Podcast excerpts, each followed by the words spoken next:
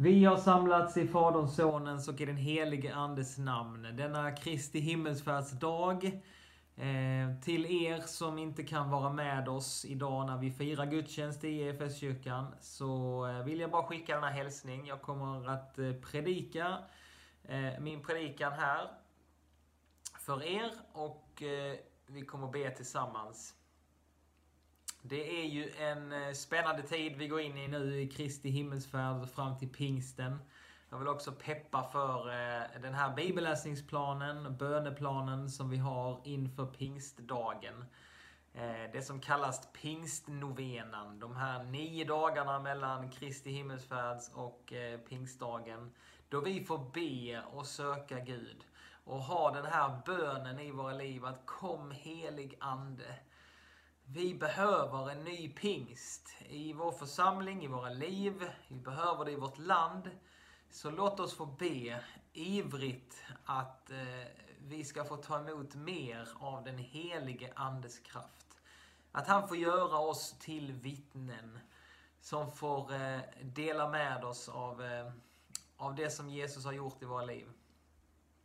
Så var gärna med under den här perioden.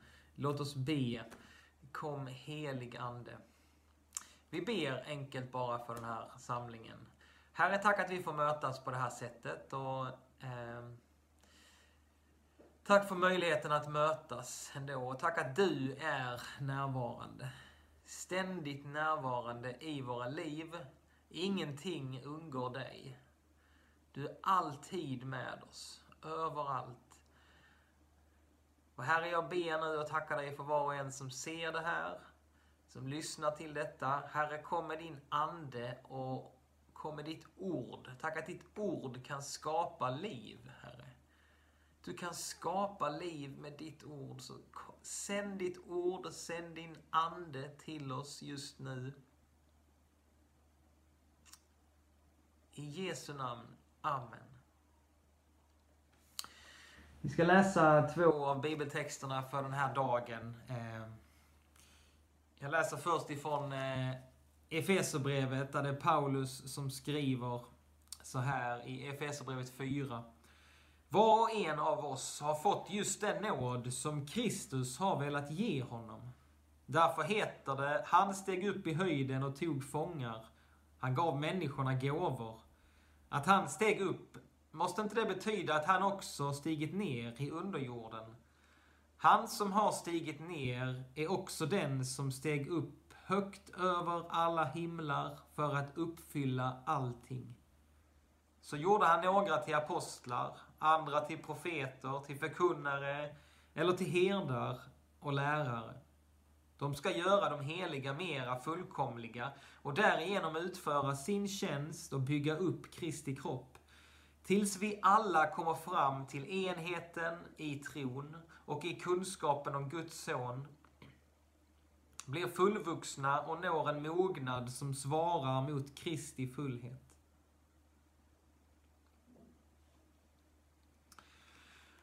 Och så vill jag också läsa från Apostlagärningarna kapitel 1 om vad som skedde på Kristi himmelsfärds dag. Det är Lukas som skriver så här. I min första bok, ärade Teofilos, skrev jag om allt som Jesus gjorde och lärde fram till den dag då han togs upp till himmelen. Sedan han genom helig ande hade gett sina befallningar åt dem som han utvalt till apostlar. Han framträdde, framträdde för dem efter att ha lidit döden och gav dem många bevis på att han levde då han under 40 dagar visade sig för dem och talade om Guds rike. Och under en måltid tillsammans med dem sade han åt dem att inte lämna Jerusalem, utan vänta på det som Fadern hade utlovat. Det som ni har hört mig tala om, sade han. Johannes döpte med vatten, men ni ska bli döpta med helig ande om bara några dagar. De som hade samlats frågade honom, Herre, är tiden nu inne då du ska återupprätta Israel som kungarike? Han svarade, det är inte er sak att veta vilka tider och stunder Fadern i sin makt har fastställt. Men ni ska få kraft när den helige anden kommer över er och ni ska vittna om mig i Jerusalem och i hela Judeen och Samarien och ända till jordens yttersta gräns. När han hade sagt detta såg de hur han lyftes upp i höjden och ett moln tog honom ur deras åsyn. Medan de såg mot himlen dit han steg upp stod plötsligt två män i vita kläder bredvid dem. Galileer, sade de. Varför ser ni mot himlen? Denne Jesus som har blivit upptagen från er till himlen ska komma tillbaka just så som ni har sett honom fara upp till himlen. Så lyder Herrens ord. Gud, vi tackar dig. Ja, vi firar idag Kristi himmelsfärdsdag. Det som vi precis läste i Apostlagärningarna. Eh, men författaren till Apostlagärningarna, som var Lukas, han skriver också om detta i avslutningen av sitt evangelium. Han slutar sitt evangelium med detta och han börjar sin nya redogörelse om kyrkans verksamhet just med denna händelse. När Jesus stiger upp till himlen. Och det är den bok som har fått titeln Apostlagärningarna. Vilket egentligen är en rätt eh, fel titel på den boken. För läser man den så ser man att det är Jesus Kristus som fortsätter sin verksamhet genom apostlarna. Ett mer rättvist namn hade varit Andens gärningar, eller eh, varför inte Jesus gärningarna? Och vi kan se det här redan i första versen vi läste idag. Så står det så här, i min första bok, ärade Teofilus, skrev jag om allt som Jesus gjorde och lärde fram till den dag han togs upp till himmelen. Alltså man anar att det finns en fortsättning. Jesus han har gjort mer efter det. Och detta blir tydligare i andra bibelöversättningar. Eh, till exempel i kärnbibeln, i nubibeln, i den engelska översättningen, eh, New International Version, så skriver man så här istället. I min första bok berättade jag om allt som Jesus började göra och undervisa om. Alltså evangeliet om Jesu födelse, död, uppståndelse och himmelsfärd, det var bara början av Jesu verksamhet. Nu fortsätter han den genom lärjungarna och genom kyrkan. Och det är inte apostlarnas gärningar som vi läser om efter detta, utan det är Jesu fortsatta gärningar. Det är Andens gärningar genom sina lärjungar, genom sitt folk. Därför är Kristi himmelsfärdsdag en så viktig högtid. Ofta lite underskattad och bortglömd, men den har ett budskap som är så viktigt för oss att förstå och ta till oss. Paulus han förklarade för oss lite i Efesierbrevet, som vi läste. Alltså han som har stigit ner är också han som stigit upp högt över alla himlar för att uppfylla allting.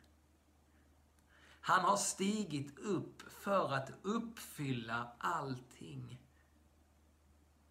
Och för lärjungarna så måste ju detta ha varit rätt svårt att förstå. Va? De står och de tittar upp efter Jesus. De måste ha tänkt, jaha nu, nu är inte Jesus längre här. Han är inte med dem längre. Deras lärare är borta. Det måste ha känts tomt. Var är Jesus? Och så kommer ängeln där två änglar som står och så säger de, varför står ni här? Varför står ni här och tittar upp mot himlen? Jesus, han har uppstigit till himmelen. Inte för att vara frånvarande från lärjungarna. Inte för att lämna dem, utan för att bli Herre över allting. För att uppfylla allting med sin närvaro. Efter detta så finns det inga murar. Det finns inga galler, inga avstånd som kan skilja oss från Jesus Kristus. Tidigare så kunde han bara vara på en plats åt gången, träffa en viss grupp människor åt gången. Nu är han uppstigen. Han är herre över allting och han uppfyller allting med sin närvaro. Hur underbart är inte det för oss? Och något av detta måste ha landat hos lärjungarna. För i Lukas evangelium så står det att efter att lärjungarna hade varit där så föll de ner och de hyllade honom. Och de återvände sedan till Jerusalem under stor glädje. De var ständigt i templet och de prisade Gud. En annan berättelse som jag tänker på idag, det är när Jesus möter Maria. Efter uppståndelsen, så den första han möter, det är nog Maria från Magdala. Och så säger han till henne så här lite konstigt, rör inte vid mig, Maria. Jag har ännu inte stigit upp till min fader, min fader och er fader, min Gud och er Gud. Rör inte vid mig, jag har ännu inte stigit upp. Maria från Magdala, hon var ju den kvinnan som hällde sin dyra balsam över Jesus. Som tvättade hans fötter med sina tårar, som torkade dem med sitt hår. Jesus säger, rör inte vid mig. Och jag tror att det ligger något av innebörden också, håll inte kvar mig, Maria. Du måste släppa mig så att jag kan gå till Fadern. Och vägen till Fadern är nu öppen också för dig. Så när jag nu lämnar dig så är det för att ta med dig till Fadern. Rör inte vid mig, Maria. Du har redan här och nu upplevt vår enhet. Att vi på något sätt hör ihop. Men nu ska du få veta att vår enhet är mycket innerligare och djupare. Den beror inte på om du kan röra vid min kropp eller inte. Nu kommer jag finnas i ditt inre, i ditt eget inre djup. När jag stiger upp till himlen, till min fader, ja, till din fader, så stiger jag samtidigt ner i din själ. Där kan du alltid finna mig. Där kommer jag alltid vara med dig. Och där kan du röra vid mig. För han som steg ner, han som steg ner till oss, det är också han som har stigit upp för att uppfylla allting. Paulus predikar om det i Apostlagärningarna. Han säger det är ju i honom som vi lever och som vi rör oss och som vi är till. Jesus, han är med oss. Jesus, han är för oss. Han är nära oss. Nu kan ingen isolering, ingen karantän, inga murar, ingen sjukdom, inget som har varit eller något som kommer kan skilja oss från honom. Och så säger han att vi ska få kraft. Vi ska få kraft. När den helige Ande kommer så ska vi få kraft för att bli hans vittnen överallt där vi går fram. Och då tänker jag på det som Johannes, det som Jesus sa om Johannes döparen. Jesus sa så här om Johannes, han sa att sannoliken ingen av kvinna född har trätt fram som är större än Johannes döparen. Men den minste i himmelriket är större än han, sa Jesus. Alltså Johannes, han var den största profeten. Men den minste i himmelriket är ändå större än han. Alltså du och jag.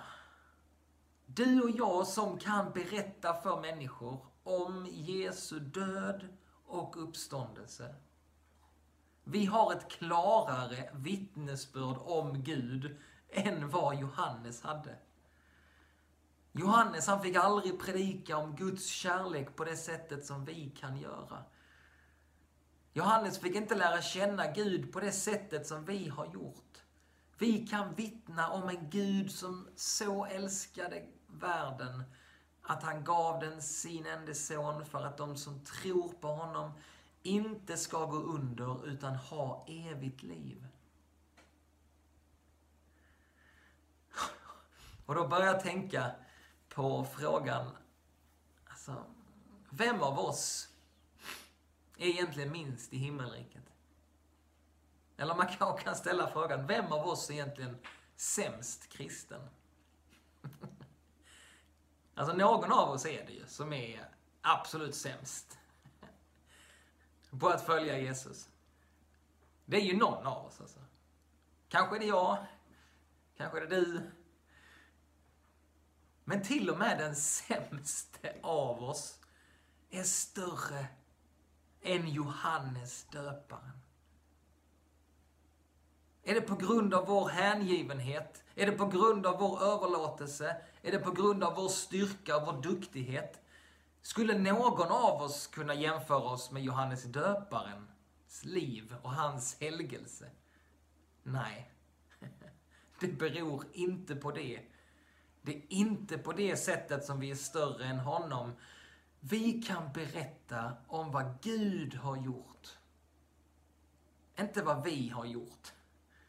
Vi kan berätta om Guds underbara gärningar. Vi kan peka på Jesus och bara säga att det, det är honom. Det är honom där. Han där. Det är han jag följer. Det är honom jag behöver. Alltså följ inte mig, följ honom.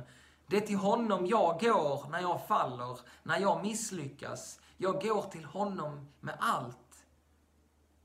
Där, hos honom, har jag funnit livet. Där har jag funnit frid. Där har jag funnit en trygghet och ett, ett hopp. Där har jag fått ett hem. Där hos honom så vet jag att jag är älskad för den jag är och inte för det jag presterar. Vi kan berätta, inte vad vi har gjort, inte om vår duktighet. Vi kan berätta om vad han har gjort. Och det han har gjort, det förändrar allt. Evangeliet förändrar allt.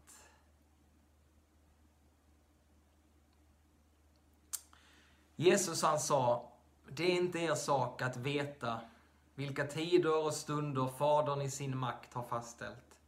Men ni ska få kraft när den helige Ande kommer över er och ni ska vittna om mig i Jerusalem och i hela Judeen och Samarien och ända till jordens yttersta gräns. Låt oss nu be om att han ska få sända sin ande på nytt. Låt den här tiden fram till pingstdagen få vara en tid då vi söker honom. Och då vi lever med den här bönen, kom helig ande. Vi behöver dig. Sverige behöver dig.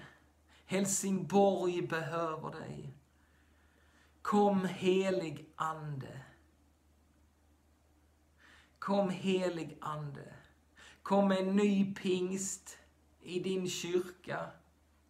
Kom en ny pingst i mitt liv och i våra liv. Och tack Jesus Kristus för att du är med oss. Du är för oss. Du är den som steg ner och du är också den som steg upp för att uppfylla allting med din närvaro. Vi prisar och vi tackar dig för det. I Jesu namn. Amen. Ta så emot Herrens välsignelse. Herren välsigne dig och bevara dig. Herren låter sitt ansikte lysa över dig och vara dig nådig. Herren vände sitt ansikte till dig och give dig sin frid. I Faderns och Sonens och i den helige Andes namn. Amen.